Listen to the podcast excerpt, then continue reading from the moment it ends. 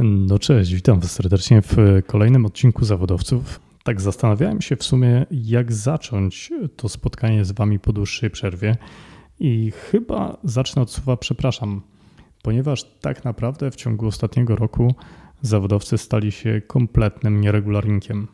Doskonale pamiętam, jak jeden z ostatnich odcinków zaczynałem słowami Witajcie po dłuższej przerwie. Mam nadzieję, że tym razem będziemy spotykać się bardziej regularnie. Tym razem pominę te słowa, chyba po prostu po to, żeby nie zapeszać. No ale do rzeczy. Dzisiaj odcinek dedykowany jest wszystkim fanom podcastów kryminalnych. Doskonale znacie Kryminatorium Marcina Myszki, czy też Piąte Nie Zabijaj, które nagrywa Justyna Mazur. Sam przyznam, że niespecjalnie jestem fanem tych historii i zawsze zastanawiało mnie, na czym polega fenomen tej tematyki. Moją uwagę przykuł magazyn Detektyw. Pamiętam go jeszcze z czasów, kiedy byłem nastolatkiem. Detektyw to fenomen na rynku prasy wydawany od 1987 roku. Nieustannie znika spółek saloników prasowych, podczas gdy kolorowe tytuły prasowe mają się coraz gorzej. Ten sam papier od lat, ten sam format, ten sam tytuł i zespół, który go tworzy. Moimi i waszymi gośćmi będą dzisiaj Krzysztof Kilianek, redaktor naczelny detektywa oraz Monika Frączak, redaktor naczelna Detektyw Wydanie Specjalne i Detektyw Ekstra. To właśnie oni nie tylko przybliżą Wam historię tego pisma, ale zdradzą także sporo ciekawostek związanych z historiami, czytelnikami i niejednokrotnie antybohaterami opisywanymi na łamach magazynu. Ja póki co pozdrawiam Was wszystkich bardzo serdecznie. Dziękuję, że nie zapomnieliście o zawodowcach i cóż, powiem jedynie do usłyszenia. Mm, byłbym zapomniał. Mam dla Was pięć numerów detektywa i jeżeli tylko macie ochotę go poczytać, napiszcie do mnie na Instagramie. Pierwszym pięciu osobom prześlę całkowicie za free pachnące jeszcze farbą drukarską egzemplarze tego mrożącego krew w żyłach pisma. Wystarczy, że wyślecie do mnie wiadomość prywatną na Instagramie. Pięć pierwszych osób. Poza tym piszcie. Z chęcią dowiem się, o czym chcielibyście słuchać w zawodowcach, jakich gości zapraszać, na jakie tematy rozmawiać. A zatem zaczynajmy.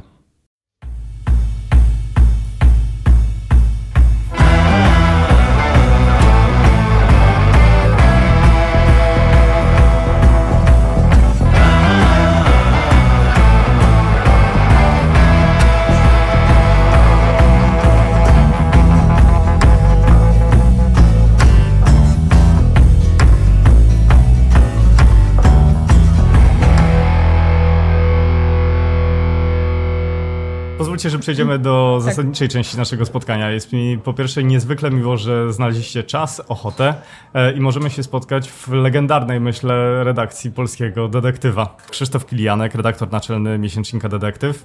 Cześć. I Monika Frączek, redaktor naczelna Detektyw Ekstra i Detektyw Wydanie Specjalne. Cześć. Czy moglibyście powiedzieć, jaka jest historia detektywa? Pierwsze numery detektywa były drukowane w nakładzie 600 tysięcy egzemplarzy. Hmm. 600 tysięcy. 600 i było, byłyby drukowane w większym nakładzie, bo mm, i milionowe by się sprzedawały nakłady, tylko po prostu tylko nie było papieru. papieru. brakowało. I to była ta zapora, której nie dało się przeskoczyć. Papier wtedy był reglamentowany przez władze, także w stopce to chyba jeszcze jest nawet 650 tysięcy egzemplarzy. Yy, zaczęło się to wszystko w sąsiednim budynku na, na ulicy Myśl. Tam przez pierwszych dwa albo trzy lata mieściła się redakcja początkowo pisma nieperiodycznego, mhm. dlatego że pierwsze numery mm, detektywa nie były jeszcze miesięcznikiem, wychodziły w cyklu co dwa, co trzy miesiące. Mhm. Dopiero chyba od 1988 roku zaczyna się wydawanie regularne miesięcznika detektyw.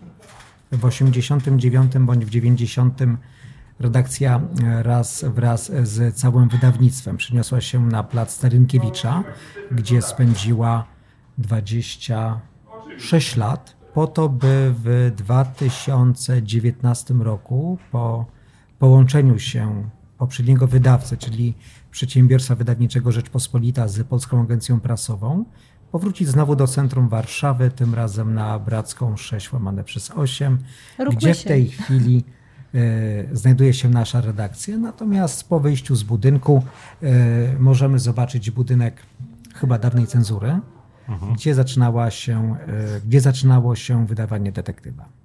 Minęły nam 33 lata. No i myślę, że następne 33 przed nami. Detektywa, dwóch kwartalników, strony internetowej, audiobooka, Facebooka, mhm. Instagrama, no i nie wiem co w przyszłości.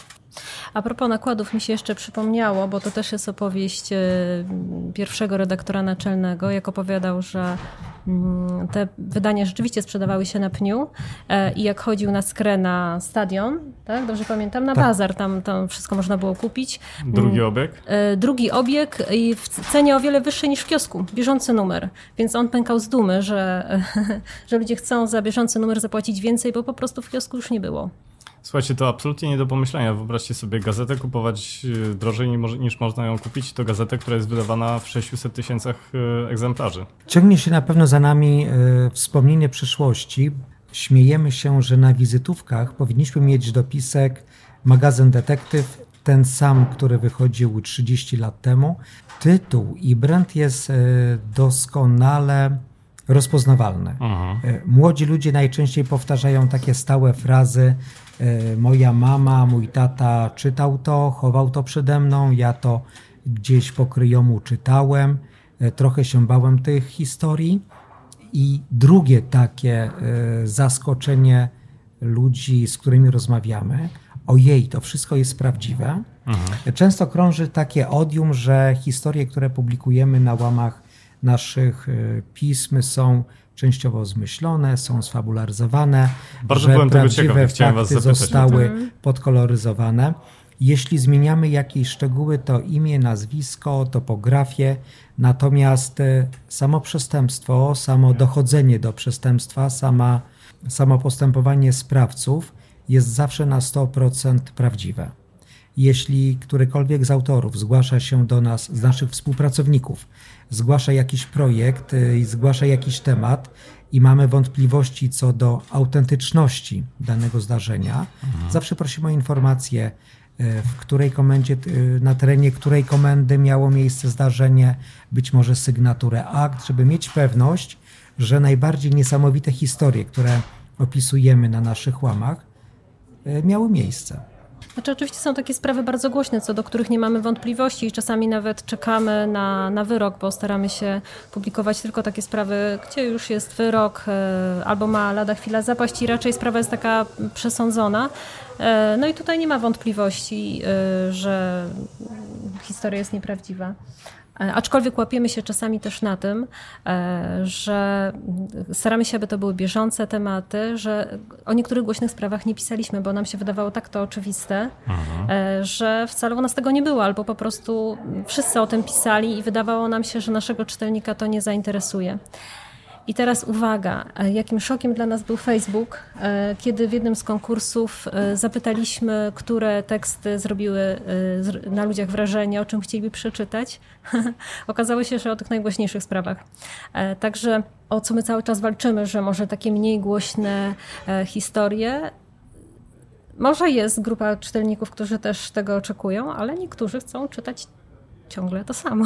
Być może to jest takie trochę mm, powtórzenie schematu jak z telewizją, że nowy serial to może obejrzymy, natomiast jak e, dwudziesty raz puszczą czterech pancernych i psa, stawkę mhm. większą niż życie, to obejrzymy.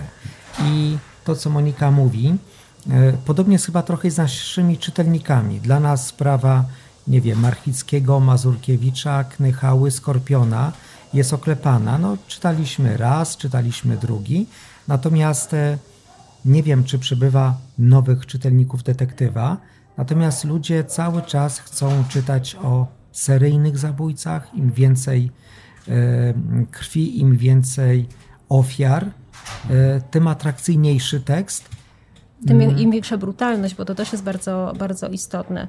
E, jak, jak sądowaliśmy też, wydania specjalne są zawsze tematyczne, czyli Aha. na przykład zbrodnie popełniane przez kobiety, jest jedno wydanie, drugie zbrodnie popełniane przez mężczyzn, albo zbrodnie popełniane z zazdrości, albo mm, przez nieletnich, e, albo oszustwa jakieś mm, gospodarcze, tutaj historie. Co się okazuje? Bestie to jest coś, coś, co nasi czytelnicy uwielbiają. Bestie, zwyrodnialcy i kobiety. Kobiety zabójcy, tak, kobiety kobiety, złodzieje. kobieta, e, nie Złodziejki. złodziej, no co tam złodziej. E, po prostu im gorsza, e, tym lepiej. Więc taki diabeł w spódnicy to jest to, o czym chcą czytać czytelnicy detektywa. Było dla nas trochę zaskoczeniem, że wydania specjalne poświęcone na przykład szpiegostwu, walce wywiadów, tego typu tematy nie cieszyły się tak. aż tak dużym zainteresowaniem. E, dla nas może tak, natomiast e, częściej detektywa, podobnie jak inne pisma kryminalno-sensacyjne na świecie, czytają kobiety. My kiedyś, my kiedyś tak, kiedyś, e, kiedyś na pewno ponad 10 lat temu zrobiliśmy taką ankietę wśród czytelników. Kiedy jeszcze. Właśnie po... miałem dokładnie o to zapytać. Czy wiecie, kim tak. jest wasz tak. czytelnik? Znaczy, takie badanie chyba najbardziej miarodajne to było wtedy. Tej ankiety takiej, e, która była publikowana w gazecie, którą trzeba było odesłać pocztą, i to jeszcze wtedy ludzie bardzo jakoś karnie do tego podeszli i, i, i rzeczywiście wysyłali odpowiedzi. I było potężne zaskoczenie. Pamiętacie, ile mieliście odpowiedzi przysłanych? Ja Kilka tysięcy. To było mhm. naprawdę solidne, so, solidnie. To było duże zaskoczenie dla całej redakcji. No i co wyszło? Kobiety czytają detektywa. E, ze średnich, średniej wielkości miejscowości z dużych miast, e, wykształcone, czyli wykształcenie średnie i wyższe i oczekiwały brutalnych treści. Gwałty Gwałtów, i, tak, zabójstw. Mhm. To było najbardziej szokujące, bo nasze wyobrażenie o czytelniku było zupełnie inne. Teraz nie mamy takich badań. Oczywiście mm, w jakim stopniu lustrem jest y, Facebook, gdzie możemy mm, obserwować tych naszych fanów, e, ale to jest zupełnie inna grupa. My mamy świadomość, że ludzie, którzy zaglądają na Facebooka, czego innego oczekują i ci, którzy zaglądają na naszą stronę internetową także, a ci, którzy robią w papierze, czytają papier, mhm. E, to, to jest zupełnie inna grupa docelowa. Myślicie, że właśnie ci ludzie, odbiorcy treści e, cyfrowych od odbiorców treści e, na papierze różnią się i to są dwie zupełnie różne grupy? Może tak bym nie postawiła krechy, która by ich dzieliła, mhm. tak, tak zupełnie, ale zastanawiam się, czy tacy użytkownicy internetu mają na tyle cierpliwości, żeby przeczytać długi tekst w internecie, Mhm. czyli w komputerze, na komórce. Popatrzcie chociażby na e, czytelników blogów. Blogi przecież e, przeżywały czasy swojej świetności. To były długie mhm. teksty do czytania. No tak, a teraz? No teraz trochę to się zmienia, bo... Teraz to raczej tak Myślę, że przy podajemy... czytaniu tekstu z detektywa w internecie może zaboleć palec od scrollowania.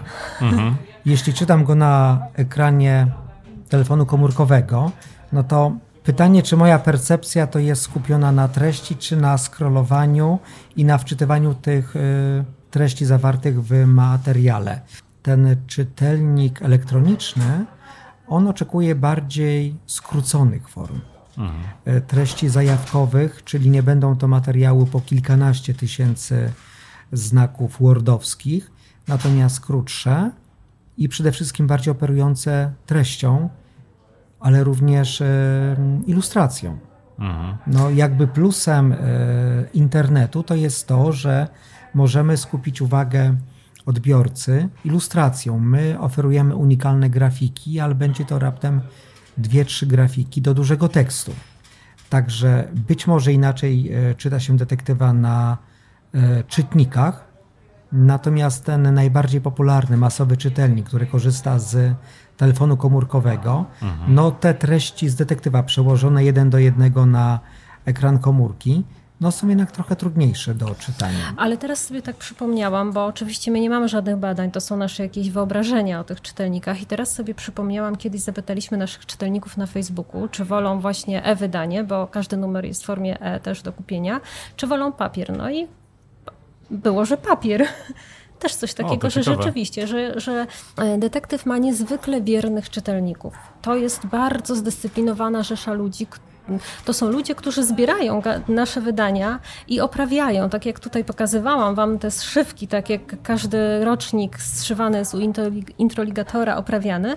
Wiele osób również taką, taki, taką procedurę u siebie w domu e, ma i nie wierzę, że to nie są bajki, bo często można kupić na Allegro, na przykład prawdopodobnie jak ktoś już e, dziedziczy takie detektywy i chce się mhm. ich pozbyć, to ludzie sprzedają zszywki. E, w antykwariacie ostatnio widziałam e, zszywki detektywa całe.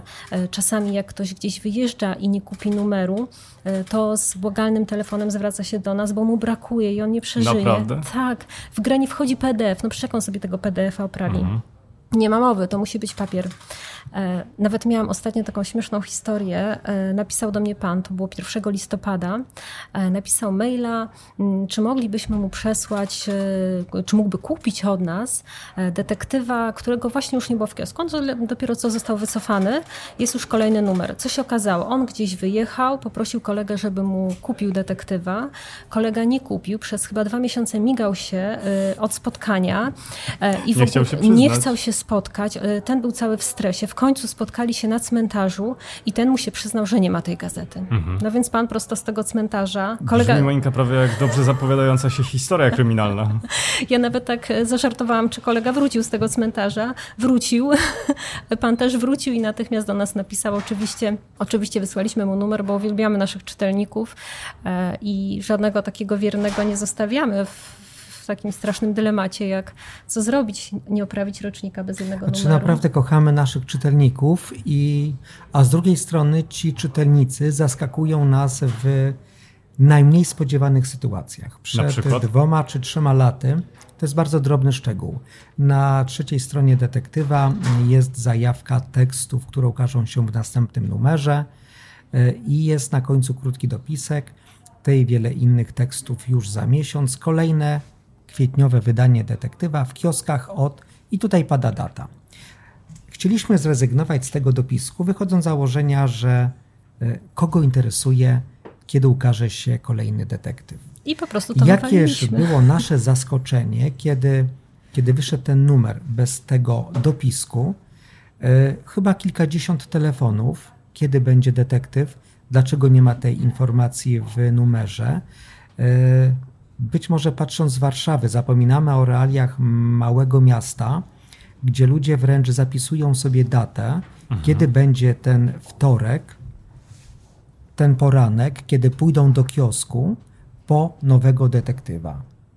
Także w jednym numerze nie było tej informacji, od, e, przywróciliśmy ją, bo mm, i z rozmów z kioskarzami, i z danych od kolporterów wynika i tego się domyślamy, że największa sprzedaż to jest wtorek, środa, pierwszy, drugi dzień nadziału nowego pisma do punktów sprzedaży. Zaraz po publikacji. Tak. Mhm. Naprawdę ci nasi kochani czytelnicy przez duże K i duże C naprawdę czekają na kolejny wtorek, żeby sięgnąć po kolejny numer. A właśnie się pochwalę, weszliśmy w piątą setkę. Gratulacje. A powiedzcie, y, Krzysztof Monika, w jaki sposób, jak ewoluuje detektyw od tego pierwszego wydania? Czy też y, jesteście zdania, że zachowuje taki swój charakter od tego pierwszego numeru? Recepta na sukces detektywa polega na tym, że się nie zmieniamy. Nie. E, wielokrotnie e, w tej redakcji toczyliśmy rozmowy co moglibyśmy w detektywie zmienić, jak moglibyśmy go uatrakcyjnić, jak moglibyśmy przyciągnąć kolejnych nowych czytelników. Wielogodzinne burze mózgów na zasadzie, co moglibyśmy zrobić, gdybyśmy mieli duże pieniądze, gdybyśmy mieli kapitał. Dochodziliśmy do jednego wniosku. Najlepiej nie zmieniajmy tego. To nie wynika z jakiegoś naszego przekonania, że jesteśmy doskonali, natomiast być może przywiązanie czytelnika e, i jakaś myśl, która się pojawiła 32 lata temu, sprawia, że ten produkt jest dobry. E, próbujemy robić zupełnie nowe rzeczy w internecie, na Facebooku, wykorzystujemy te nowe technologie, natomiast papier rządzi się chyba trochę swoimi prawami. Przykładem miesięcznik i kwartalniki. Miesięcznik ma okładkę czarno-białą, ktoś powie, że to jest e, czarno-biało-czerwoną konserwatyzm, e, dlaczego nie, nie zmieniamy się, ale być może w tym szaleństwie jest metoda. Wśród 300 tytułów kolorowych w kiosku, ten jeden z czarno-biało-czerwoną okładką rzuca się w oczy. Chcesz mi powiedzieć, że kwartalniki się nie rzucają w oczy? Rzucają się w oczy i są równie doskonałe jak detektyw. Ale po raz tak pierwszy jak... przeszło mi to Ale ja usta. też muszę coś powiedzieć takiego y, bardzo radosnego dla mnie, bo kiedy startowaliśmy z detektywem Ekstra, który jest najmłodszym i może najbardziej kochanym, niektórzy mówią, że najmłodsze dziecko się najbardziej kocha albo najstarsze. Właśnie nie... opowiedzmy o, o tej różnicy, dobrze? E, właściwie w, równo praktycznie w 30-lecie e, istnienia detektywa e, pojawił się detektyw Ekstra, kryminalny świat PRL-u, tylko, tylko historie, które się wydarzyły w PRL-u. Zastanawialiśmy się, czy kolejne pismo w rodzinie detektywa, również o kryminalnych historiach, się sprzeda. Aha. Sprzedało się i pierwszy numer bez właściwie żadnej reklamy sprzedał się w zaskakujący sposób, także e, nic nie Gratuluję. wskazuje na to. Tak, naprawdę to było szokujące. To Myśmy... był twój pomysł, Monika? Tak, to był mój pomysł. E, dostałam taką możliwość e, i to jest takie moje dziecko, które bardzo kocham, chociaż to najstarsze Krzysia też bardzo, żeby nie było.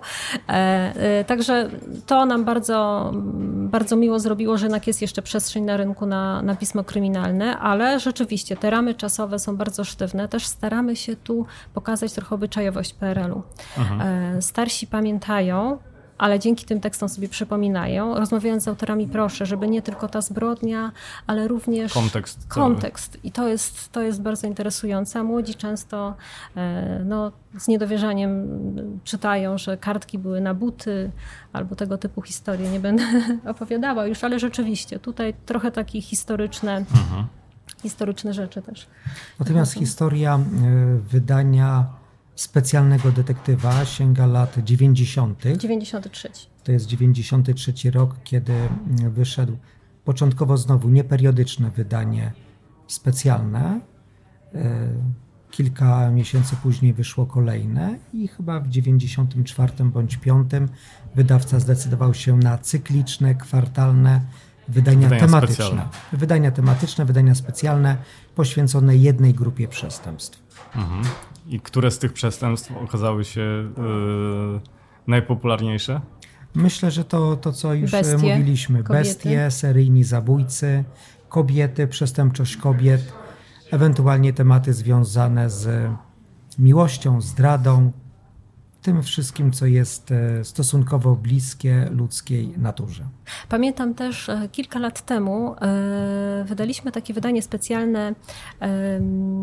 Wydanie specjalne to było o Boże, o tych matrymonialnych oszustach. O, o właśnie, bo już mi brakowało słowa. Chciałam przypomnieć sobie, jak ten, jak ten tytuł brzmiał. I wtedy rozdzwoniły się telefony i e-maile, że przecież nie tylko mężczyźni oszukują kobiety, ale również kobiety też są oszustkami matrymonialnymi. Natychmiast wydaliśmy też wydanie specjalne, które na ten temat, które właściwie podpowiedzieli nam czytelnicy i opowiadali też swoje historie, że właśnie oni e, byli ofiarami takiej złej kobiety. Także czasami jest taka historia, że czytelnicy sami nam podpowiadają, e, o czym by chcieli przeczytać. A właśnie, jak na przestrzeni tych lat wyglądał wasz kontakt z e, czytelnikami? Dużo otrzymujecie listów? Zmienia się. E, zmienia się. E, kiedyś było rzeczywiście więcej listów takich tradycyjnych. E, teraz jest mniej. Jeżeli już to maile, kiedyś było też więcej telefonów i kilka lat temu mieliśmy jeszcze mnóstwo telefonów z zagranicy. Ludzie chcieli prenumerować detektywa o. w Wielkiej Brytanii, tam gdzie, tam gdzie najwięcej Polaków jest Norwegia, Wielka Brytania, co jeszcze? W Niemczech, ale tam jest... Stany Zjednoczone? E, do Stanów tak. E, w Stanach Zjednoczonych tak. przez kilkanaście lat e, mieliśmy oficjalnego dystrybutora, który zajmował się sprzedażą na terenie Stanów Zjednoczonych. W tej chwili mm, są to już śladowe ilości. Natomiast wiemy, że można go kupić w kilku punktach sprzedaży w Stanach, podobnie jak w Europie, mhm. głównie w Niemczech, w takich też sklepach e, z polską żywnością, jak są za granicą, po prostu też są, jest tak. polska prasa i tam też jest sprzedawany detektyw, ale do, y, skończę wątek. Y, e-wydania rozwiązały nam problem. Ale jeżeli chodzi o listy pisane prawdziwym długopisem na prawdziwym papierze, nadal dostajemy, bo innej możliwości ci ludzie nie mają. Aha. Więźniowie. O, ciekawe. Duża grupa czytelników to są osadzeni, bohaterowie naszych tekstów. i oni piszą do nas listy. Autentycznie bohaterowie, którzy... Wy... Tak. Wiecie co, y, dla mnie bardzo ciekawe było to, czy rzeczywiście te niesamowite historie, które mogę przeczytać, Tak. czy one wydarzyły się naprawdę. Aż trudno mi było y, uwierzyć w to, słysząc wasze słowa, że każda z, his- z tych Każda. historii miała miejsce. To gwarantujemy w 100%. E, Nie brakuje tematów. E, No niestety jest tak, że to nie brakuje tych tematów. One wydarzyły się naprawdę. Jeżeli piszą, piszą więźniowie, bo to mi się wydaje bardzo interesujące, ja chciałam wam gdzieś pokazać te listy, gdzieś mamy teczkę, ja wszystkie zachowuję. Jeżeli możemy, to z wielką chęcią. E, Ostatni chyba mnie najbardziej, ostatni albo który z przedostatnich najbardziej mnie wzruszył, bo to są czasami różne, różne tematy. Na przykład e, panowie najczęściej piszą, że opisaliśmy jego historię, a to wcale, wcale nieprawda, bo on jest niewinny. Albo to było inaczej, albo rzeczywiście to były błędy młodości. Ale bywają też takie, takie sprawy, jak ostatnio pan przesłał e, imiennie do mnie list, poprosił o kolorowe długopisy, bo on lubi dużo pisać e, i czyta nas, jest takim wiernym czytelnikiem i może byśmy chcieli mu trochę kolorowych długopisów, żeby mógł sobie tak kolorowo te listy pisać. Owszem, list był napisany w wielu kolorach, e, no ale żeśmy tej prośby nie spełnili. Nie wiem, co zaważyło. Skoro o więźniach mowa, to przybywa listów od nich z propozycjami, że za pieniądze Tak, tak. Opowiedzą? Tak, opowiedzą o oczywiście. swojej historii. Albo o innych Tylko historiach kwestia kolegów. uzgodnienia honorarium i Naprawdę? opowiedzą, Oczywiście. jak było naprawdę. Często oczywiście kreują się jako na ofiary wymiaru niesprawiedliwości. A Także może stawki gwiazdorskie, czy... Nie, nie, nie, oni są otwarci na współpracę, stawki nie padają. Ale nie ma, nie ma, e, nie chcą tego na pewno robić hobbystycznie. Zawsze gdzieś Zawodowo. są zawodowo. Nazywają rzecz rzecz po imieniu, za pieniądze. I są Za dwie pieniądze. grupy. Jedni uważają, że są w stanie sami pociągnąć e, to pisarstwo, a inni by chcieli mieć takiego Ghostwritera. tak, żeby to za nich, a on opowiedzą. Ja myślę, że oni by byli taką kopalnią wielu ciekawych historii. Trochę może by się fakty tutaj nie zgadzały. Prokurator mógłby Tym gorzej dla polemizować faktów. do wymowy faktów. Bo słuchajcie, co do zasady, piszecie o sprawach, które są już y, zakończone, y, zakończone w. Z ostrożności wyrokiem? procesowej staramy się pisać o sprawach, które mają prawomocne wyroki. Wyroki. Podejmowanie spraw, które się toczą, z jednej strony ze względu na specyfikę pisma techniczną. Chodzi o to, że zaczynamy, tak jak w tej chwili rozmawiamy na początku grudnia. Monika myśli o kwartalnikach, które ukażą się wiosną. Ja w One tej już się chwili robią. planuję wydanie marcowe i kwietniowe. O, To wynika z faktu, że pewną partię materiału, przynajmniej połowę numeru dajemy grafikowi, e, ewentualnie dosyłamy brakujące materiały.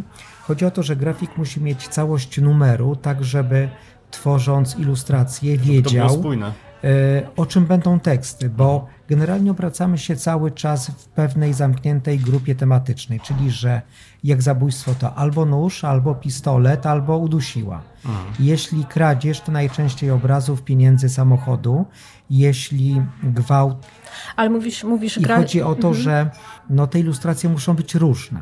Mimo, że od 30 lat Podobne, ale podejmujemy te same tematy, w związku z czym od wizji artysty, grafika, on musi mieć te materiały, żeby je w atrakcyjny sposób przygotować graficznie. E, Tak przygotowany numer e, przychodzi do redakcji, wędruje do studia graficznego. E, To wszystko zajmuje czas, stąd ten przyspieszenie wydawnicze, które jest u nas. E, Grafik to dokładnie jest rysownik, bo może to się wydaje dla nas oczywiste, ale nasi rysownicy, są to dwie osoby, dostaje teksty, czyta je i właśnie dopiero na podstawie tych tekstów robi ilustracje. To jest bardzo istotne. Część z nich pokazywaliśmy Wam na kartonikach pana Jacka Rupińskiego, który jest fantastycznym człowiekiem. O niezwykłym poczuciu humoru i zawsze sobie bardzo tutaj żartujemy. No E. to w ogóle niesamowite też, co wspominałeś, że pracujecie od tak dawna. Tak. Tak, rzeczywiście pracujemy od bardzo dawna. On stawia pieczątki, podpisuje każdy rysunek. E, Chyba nie ma takiej redakcji już, która by tak funkcjonowała. Jest to niezwykle wzruszające. Ja mam swoje prywatne, osobiste marzenie. E, Chciałabym panu Jackowi zorganizować wystawę jego prac. To jest taka moje, moje, moje, moje marzenie, nawet e, dość duże i trochę się zas- sponsorów szukam. E, Myślę, że na to zasługuje, a zresztą te kartony są przepiękne z tymi ilustracjami. Papier, na którym jest drukowany detektyw, nie oddaje. e, To prawda, artyzmu, widziałem te tak. Tych rysunków. A w ogóle jest niezwykle interesujące jeszcze to, że nasi czytelnicy uwielbiają nasze rysunki. Ludzie często chcą poznać naszych ilustratorów. Dla nich rysunki są niezwykle istotne. I rzeczywiście, jak się przeczyta tekst i przeanalizuje tekst z tymi rysunkami, wtedy się widzi więcej. Ale wiecie co, ja teraz widzę, jak bardzo konsekwentnie rozwijacie ten tytuł, e, chociażby przez to, że macie jednego rysownika, czy dwójkę rysowników Dwójka, od tak, tak długiego czasu. E, I ten rozwój nie tylko rysowników e, widać po prostu na przestrzeni tych lat i to wszystko dlatego jest tak spójne. Tak, troszkę, troszkę, troszkę chciałam, żeby w detektywie ekstra, czyli tym o PRL-u, pani Monika miała więcej swobody i nie musiała się trzymać tej sztywnej kreski detektywa. I ten ekstra jest rzeczywiście inny. Mhm. On ma inną kreskę. Ale jest podobny w charakterze. W charakterze, oczywiście, no nie możemy uciec, no też jest to kreska tej osoby, która rysuje detektywa, ale jest mhm. trochę inny. No ja widzę więcej, więcej tych różnic. A ile osób tworzy detektywa? Trzy. nie, więcej. Trzy osoby pracują w redakcji, dwóch rysowników, e, dwie osoby ze studia graficznego, osoby, które łamią nam numer mhm. e, i mm, kilkudziesięciu współpracowników, tak, dziennikarzy, autorów tekstu. Tak. Mamy nie tylko dziennikarzy. Skorowic, w którym mm, notujemy kontakty, Od adresy, lat. dane kontaktowe. Właśnie miałem zapytać, czy też osoby, które tak. z Wami współpracują i piszą te teksty, to są też współpracownicy, z którymi pracujecie tak długo? Dostaliśmy dwa lata temu list od naszego czytelnika, My takiego zestawienia nie prowadziliśmy. A tak, ojej. Który stworzył listę mm, najpopularniejszych autorów. Mhm. I ile ci autorzy na przestrzeni ostatnich lat opublikowali tekstów? Zrobił po prostu spis, że na przykład, nie wiem, Jan Kowalski opublikował 35 nie, tekstów. Słuchajcie, no, Wydaje 500, mi się, 500 wydań, e, w każdym wydaniu ile tekstów? Y, od 8 do 10, to zależy od długości. 5 tysięcy tekstów, coś także, y, także rzeczywiście zapomniałam o tym. I, I, to pokazuje, że nasz czytelnik jest to no, bardzo zdyscyplinowany. Że, że, że, że rzeczywiście specyficzna grupa. Kolejny raz można tylko im podziękować za to, że cały czas są z nami, bo nie chciałoby mi się chyba od 30 lat pisać kto pisze, ile tekstów prowadzić napisał, statystykę. prowadzić statystyki, no być takim Gdyby ten Excel był już 30 lat temu, to rozumiem. Wrzuca dane, natomiast widać, że jest to już człowiek w bardziej podeszłym wieku, e, nawet po charakterze, po języku. E, widać jakieś zaangażowanie w tego detektywa. I kiedy ktoś przysyła zestawienie, kto napisał najwięcej tekstów, kto był drugim, ilu autorów przewinęło się przez E, łamy detektywa. Tu akurat zestawienie może być troszkę mylące, bo są autorzy, którzy, którzy publikują pod e, różnymi pseudonimami. Właśnie miałem o to zapytać je. też. E, bardzo mnie Zabieramy ci pytania. Zastanawiało, czy, czy rzeczywiście autorzy publikują pod własnymi nazwiskami, czy pod, pod pseudonimami. W większości pod pseudonimami. Mhm. Takie było też moje, y, moje Z różnych powodów. Y, z ja różnych... myślę, że nie jedna redakcja chciałaby, y, poznać, brzydko, poznać prawdę? albo podkupić waszych współpracowników, na których pracowaliście tyle lat. E, tak. E, to nie wiem, co tu zdradzić. Znaczy, możemy zdradzić tyle, że mm, całkiem spora grupa współpracowników detektywa to ludzie zawodowo związani z tematyką zbrodni przestępstw, czyli są to e, najczęściej byli policjanci, prokuratorzy, sędziowie, mhm. E, biegli, ludzie Właśnie związani zawodowo z mm, tematyką kodeksu karnego, mhm. E, którzy z różnych powodów chcą e, swoje. Dać upust temu, co widzieli. Doświadczenie, e, opisać te historie. A z trzeciej strony normalna ludzka rzecz, którzy chcą przy okazji tego być może zarobić. Mhm. E, ale też dziennikarze i przede wszystkim dziennikarze regionalni, którzy siedzą w swoich regionach, znają kogo trzeba, różne historie, takie czasami mniej, mniej popularne, więc z całej Polski i to przeróżni ludzie. Więc z tych względów właśnie oni nie mogą występować pod swoim nazwiskiem, a zresztą czasami opisują takie historie, że ze względu bezpieczeństwa, mhm. ich bezpieczeństwa, e, lepiej, żeby może nie zdradzali wszystkiego. Od 30 lat dostajemy propozycje współpracy od ludzi piszących opowiadania kryminalne. Mhm. I tu niestety musimy zawsze odpowiedzieć, że dziękujemy. Przysyłają próbki swoich tekstów, próbki swoich możliwości. Mhm. Natomiast to, co zawsze podkreślamy, detektyw to jest 100% prawdziwych treści i z tego tylko powodu, mimo że sam tekst może nam się podobać, nie podejmujemy współpracy. A czy zdarzyły się takie sytuacje, że dzięki publikacji tekstu w detektywie y, sprawa nabrała jakiegoś innego biegu, y, albo y, zgłosił się jakiś świadek, mm. który nie został uwzględniony w trakcie przesłuchiwań wcześniej?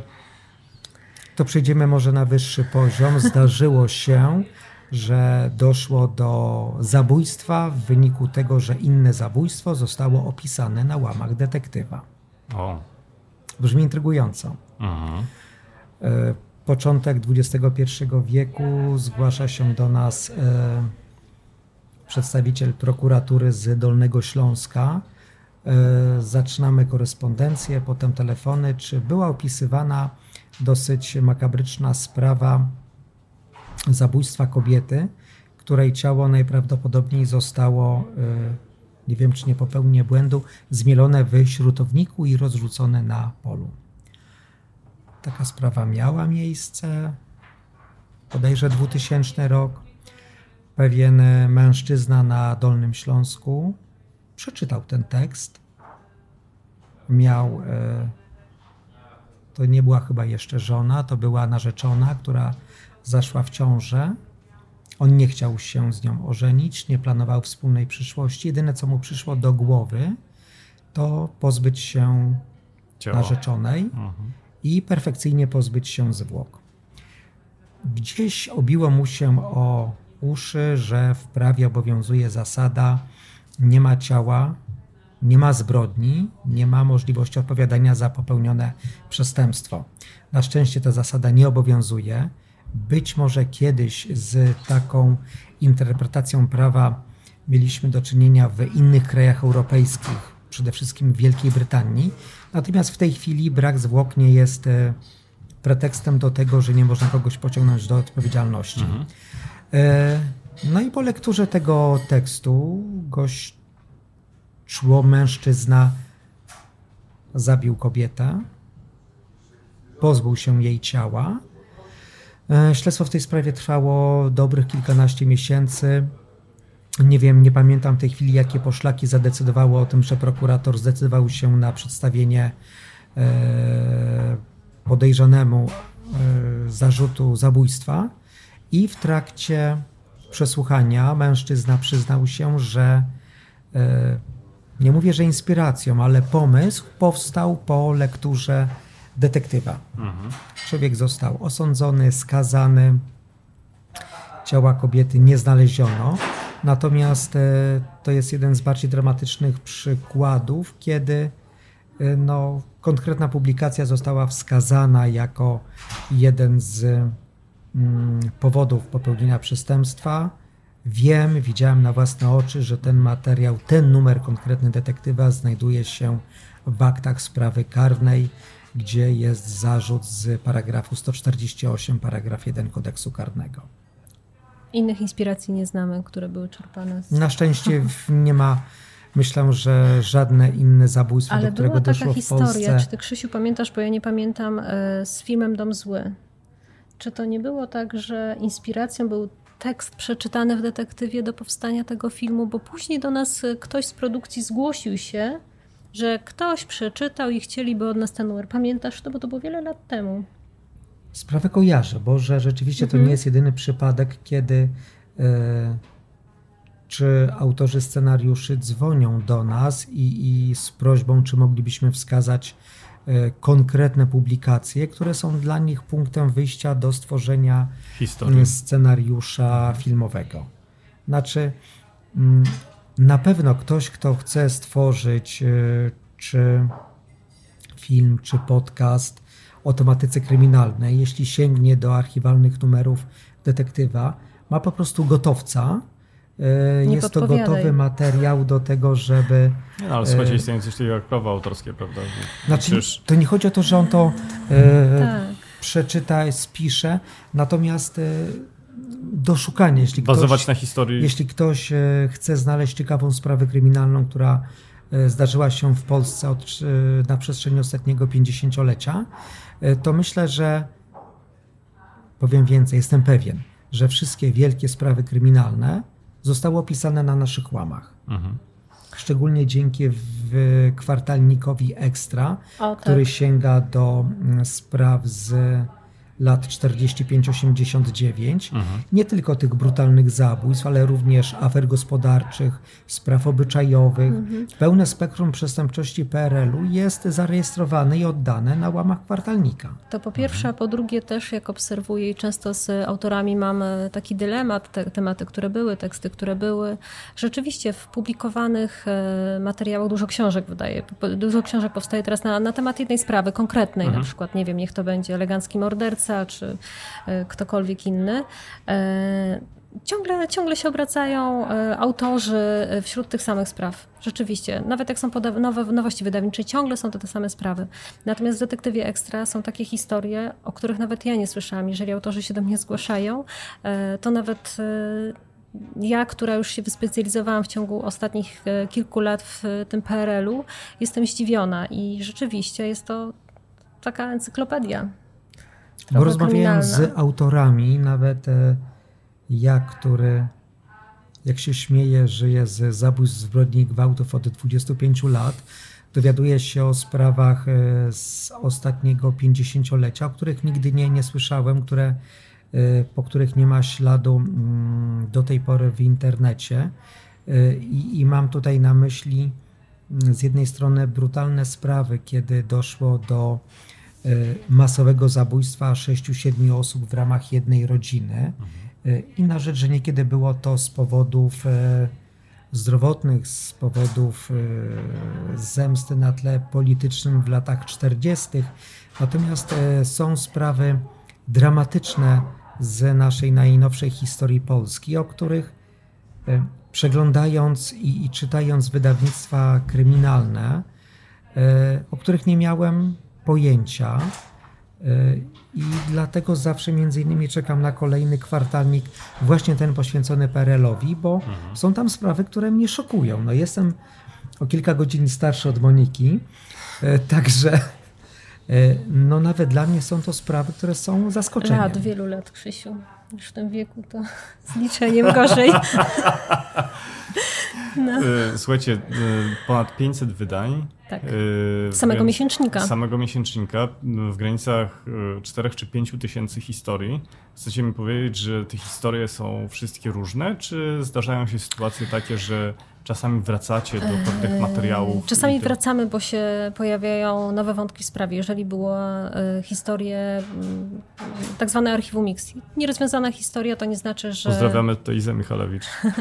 Serdecznie. E, także jeżeli, e, to nie znaczy, że jeżeli wtedy ona nie została rozwiązana, to już nic się nie dzieje. I czasami takie sprawy są rozwiązywane, więc my wtedy do nich wracamy.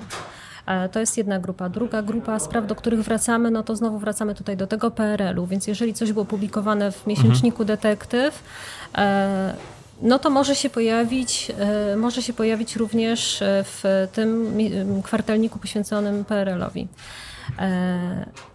A czasami może się wydarzyć tak, że my po prostu e, nie pamiętamy jakiejś sprawy i ona może się pojawić e, ponownie. Po prostu autor nam zgłasza, my nie pamiętamy, że ta sprawa była. Oczywiście staramy się katalogować jakoś te, te teksty, tematy, tagi, tagi im mhm. nadajemy, żeby później wyszukać łatwiej. Mm, natomiast e, ponieważ zmieniane są personalia, trudno nam do tego wrócić. Ale zaraz, zaraz, jeżeli my nie pamiętamy, to nasi czytelnicy nam przypomną ten tekst był opublikowany 12 lat temu, wy powtarzacie, odgrzewacie stare kotlety. Naprawdę. E, oni za nas pamiętają, ci nasi kochani czytelnicy. E, no zdarza się, po prostu rzecz ludzka. Zresztą e, my nie pracujemy od początku detektywa, tak. więc no nawet... Niekiedy wynika to, mm, to, co Monika mówi, że czytelnicy potrafią pamiętać. Pewna sprawa była tematem numer jeden w małej społeczności, mhm. w małej wiosce. Na łamach detektywa e, szczegóły, realia zostały zmienione. Tak. Z różnych względów. Oczywiście. E, powracamy do tej sprawy, powracamy inny autor zgłasza nam temat. Mhm. Wydaje się to atrakcyjne, jest to zupełnie inne ujęcie tego tematu. Z drugiej strony często pojawiają się nowe wątki. Jednym z mm, takich pagin, którą byśmy chcieli być może nadać przy takim tekście, to jest ciąg dalszy nastąpił. E, W jakiej sprawie pojawiły się nowe wątki, nowe okoliczności, nowe zdarzenia. E, Tak jest właśnie przy sprawach z archiwum X, tak jest w e, sprawach związanych na przykład z kradzieżami dzieł sztuki, tak jest w sprawach związanych z przestępczością gospodarczą. Pojawiają się nowe wątki i niekiedy zdarza się, że jest zupełnie inny obraz sprawy, że nie wszystko jest tak proste i jasne, jak się wy- wydawało. wydawać. E, To również dotyczy spraw e, niewyjaśnionych. Tych, kiedy sprawca przestępstwa, bo nie tylko mówimy o zabójstwach, pozostaje na wolności. E, Są sprawy, kiedy wydaje się, że jest już blisko zamknięcia, kiedy sprawca zostanie osadzony w areszcie, a potem w więzieniu. No i okazuje się, że e, to był mylny trop. Przykładem e, takiej sprawy jest choćby sprawa zabójstwa Jaroszewiczów, która mm, właściwie krąży po prokuratorach, No, krąży po policji y, i tak właściwie może jest tak, że policjanci wiedzą, kto zabił, natomiast tej wiedzy nie potrafią przełożyć na materiał dowodowy, bo pamiętajmy, że sąd musi oprzeć się na dowodach. Jeśli y, 30 lat temu te dowody zostały źle zabezpieczone, jeśli pewne dowody zaginęły, czy być może zostały zniszczone, bo tak wynikało to z przepisów, to w tej chwili udowodnienie podejrzanemu Winy jest jest, niemożliwe. Możemy obracać się w kręgu poszlak, no ale musi być ten, y, dla wydania wyroku, musi być ten ciąg poszlak. I to tak jak w dominie. Wystarczy, że jedna kostka domina nie będzie pasowała e, do całości. W tym przypadku wyrok e, nie może zapaść. Istnieje domniemanie niewinności Tak. i podejrzany musi zostać uniewinniony. Tak jest w wielu sprawach, tych szczególnie chyba najbardziej intrygujących, tych najbardziej zagadkowych, kiedy wydaje się, że sprawca jest już, Mhm. w zasięgu organów ścigania, natomiast e, nie można przedstawić zarzutów, bo. Czyli y, w takim razie, jeżeli dobrze rozumiem, piszecie też o sprawach, które toczą się, to znaczy, które nie zostały wyjaśnione.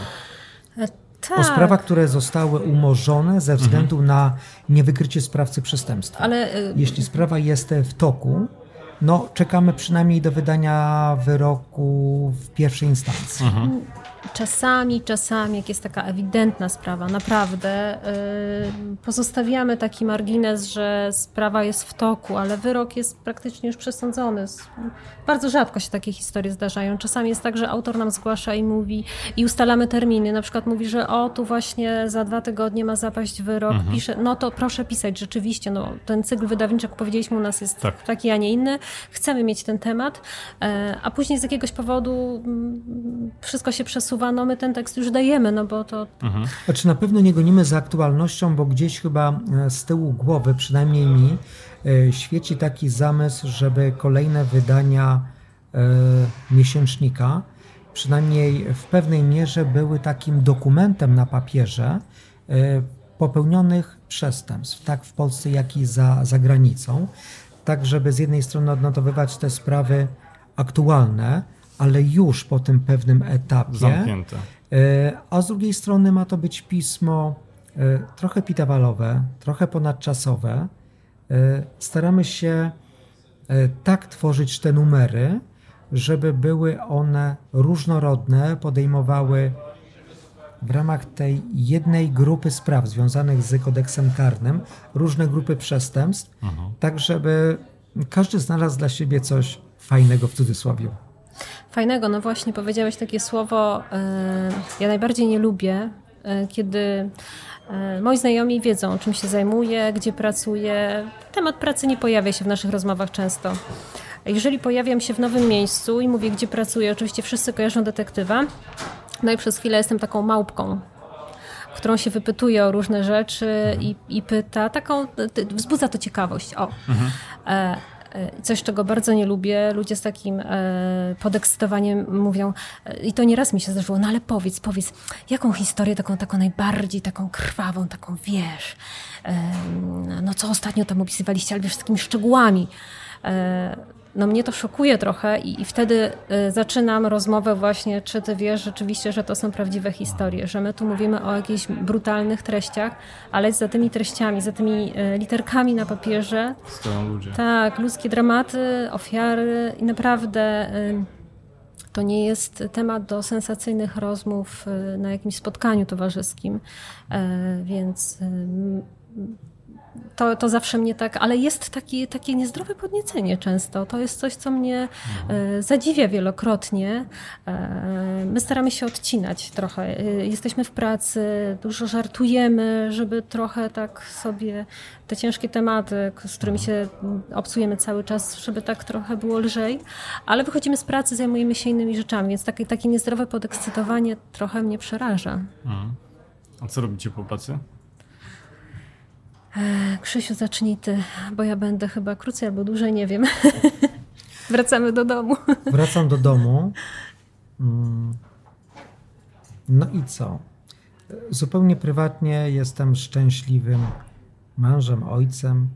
E, w wolnych chwilach na pewno nie, nie czytam e, kryminałów. Mhm. Co najwyżej bardzo lubię czytać książki i wszelkiego rodzaju publikacje o prawdziwej przestępczości. Na pewno od tego nie uciekam, to mnie interesuje. Nie mówię, że zasypiam z kodeksem karnym, natomiast e, to, co jest związane z mm, ciemną stroną mocy, ciemną stroną człowieka, to na pewno zawsze mnie interesowało. Zresztą to zainteresowanie chyba sprawiło, że zostałem dziennikarzem. Pamiętam, kiedy w latach 70., 80. czytałem e, wychodzący dziennik Życie Warszawy i krótkie reportaże kryminalne na ostatniej stronie Anny Kłodzińskiej. A być może potem, tak mi się wydaje, mm, warszawski ekspres wieczorny Kurier Polski, y, magazyn Kulisy to to, co gdzieś tam zapamiętałem z dzieciństwa, to to, że lubiłem czytać te historie kryminalne. Prawdziwe historie kryminalne, które zdarzyły się tutaj w Polsce. I chyba to zainteresowanie wpłynęło trochę na wy, wybór studiów. Gdyby na prawie można było studiować tylko i wyłącznie prawo karne, z dziką przyjemnością poszedłbym właśnie na Wydział Prawa. Natomiast tam trzeba było poznać z mojego punktu widzenia i wtedy i teraz te bardziej nudne elementy Cywilne. związane z prawem cywilnym, prawem administracyjnym, historią prawa i to już dla mnie wtedy nie było tak ekscytujące i tak pociągające. W związku z tym zapadła decyzja o wyborze dziennikarstwa. dziennikarstwa. E, zacząłem pisać e, sprawy kryminalne, zacząłem opisywać sprawy kryminalne już na studiach. Potem tak się fajnie złożyło, że na piątym roku studiów dostałem pierwszy etat e, stażowy i śmieję się, że od tamtej pory robię to, co lubię, a ktoś jeszcze za to mi płaci. Mhm. Gratulacje. Także e, śmieję się to, co już powtarzałem, powtórzę się, że żyję z zabójstw, gwałtów i oszustw. Natomiast e, po prostu ta ciemna strona życia najbardziej chyba związana z motywacją co sprawia, że mm, jakiś procent ludzi wchodzi na tą złą stronę mocy, że zaczyna działać wbrew ogólnie przyjętym normom i zachowaniom społecznym. Jakie są powody, jakie są motywacje, jakie są przyczyny.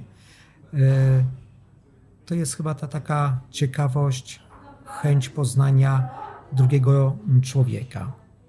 To, co dla mnie zawsze najbardziej fascynujące było, kiedy jeszcze kilkanaście lat temu częściej miałem okazję pójść do e, sądu, do prokuratury i poprzeglądać akta tych e, makabrycznych spraw kryminalnych, to nie tyle może zeznania świadków e, przestępstwa, nie, nie tyle ofiar, natomiast wgłębienie się w historię człowieka i analiza biegłych psychiatrów, kiedy ktoś przez 6 tygodni, bo z reguły tyle trwa obserwacja psychiatryczna w warunkach zamkniętych, e, rozmawia z tym człowiekiem i potem na bazie tych rozmów pisze tą opinię jako biegły. I jest tam historia życia człowieka, którego nie widziałem na oczy, z którym nigdy nie rozmawiałem. Natomiast po lekturze takiej dokumentacji człowiek ma jakby wrażenie wejścia i obcowania z drugim człowiekiem. Bo okazuje się, że niekiedy drobne zdarzenia z dzieciństwa, jakieś pojedyncze zdarzenie z czasów młodości wpływa na jakieś pęknięcie na ludzkiej psychice, która sprawia, że za kilka, kilkanaście lat dochodzi do dramatu.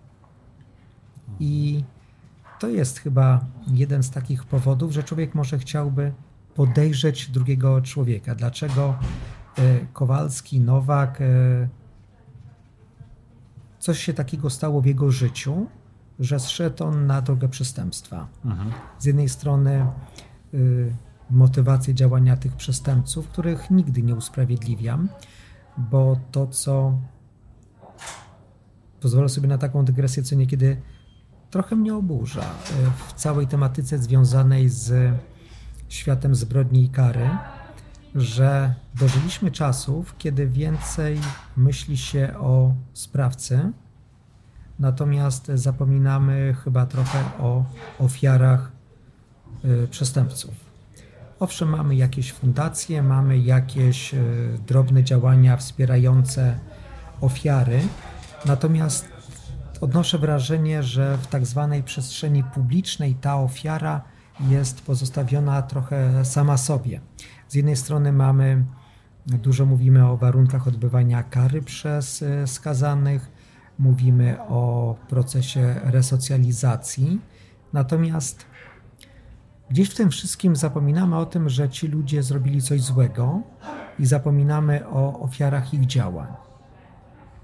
I tutaj no, jako człowiek, jako redakcja nie możemy nic zrobić, natomiast e, no, pojawia się jakiś taki zgrzyt, że trochę o nich za mało pamiętamy, że być może niekiedy za dużo idzie mm, myślenia i działania o tych, którzy popełnili przestępstwa, natomiast za mało myślimy o tych, którzy zostali ich ofiarami. A miałbyś pomysł, co można byłoby zrobić dla tych osób? Myślę, że gdybym miał recepty, to już dawno mógłbym coś e, takiego zrobić. Myślę, że na to nie ma jednej recepty. Myślę, że sprawa, e, każda, każde zdarzenie kryminalne jest to dramat e, nie tylko sprawcy, ofiary, ale również ich rodzin. Każda sprawa jest inna. Mhm. Każda sprawa rodzi zupełnie inne konsekwencje i nie można tutaj wypracować jednej metody postępowania. To, co niekiedy zastanawia mnie przy okazji spraw karnych, szczególnie tych y, najpoważniejszych, to ten moment, kiedy rodzina zamordowanego człowieka mówi, że przebacza ofierze, y, przebacza zabójcy. Mhm. Nie chciałbym nigdy być w takiej sytuacji, natomiast e, dzisiaj powiem, że nie potrafiłbym powiedzieć przebaczam. Ale wiesz co, y, no tak, ale podobno no, póki nie przebaczysz, a przynajmniej y, nie podejmiesz takiej próby, to będziesz przez całe życie żył, y, no będzie to marna jakość Dlatego życia. być może jest to na tyle ekstremalna sytuacja, że nie potrafię sobie no, powiedzieć, tak. jakbym się zachował. Tak jak nie potrafię powiedzieć, jak zachowałbym się jako pilot samolotu, który musi podjąć jakąś dramatyczną de, de, de, decyzję. Mhm. Tak samo i tutaj nie potrafię powiedzieć, jak ja bym się zachował, gdyby ktoś zrobił coś e, złego moim mhm. na najbliższym, czy potrafiłbym odwoływać się do jakichś przekonań, że no, trzeba drugiemu człowiekowi przebaczyć, puścić w niepamięć. To jest sytuacja na tyle wymykająca się ze sposobów myślenia, z tego, co otacza nas każdego dnia, że po prostu nie potrafię powiedzieć, czy byłbym do tego zdolny. Mhm. Monika, wracając do ciebie, bo zapytałem e, Krzysztofa i Krzysztof powiedział o swojej e, przygodzie i historii. Skąd wzięłaś się tutaj w ogóle w, w tym miejscu? Przypadkiem. Mhm. Przechod... nie był Przechodziłam korytarzem. Wyrafinowany wybór. Nie, żartuję. Pracowałam w sąsiedniej redakcji, właściwie, która zajmowała się wydawaniem książek.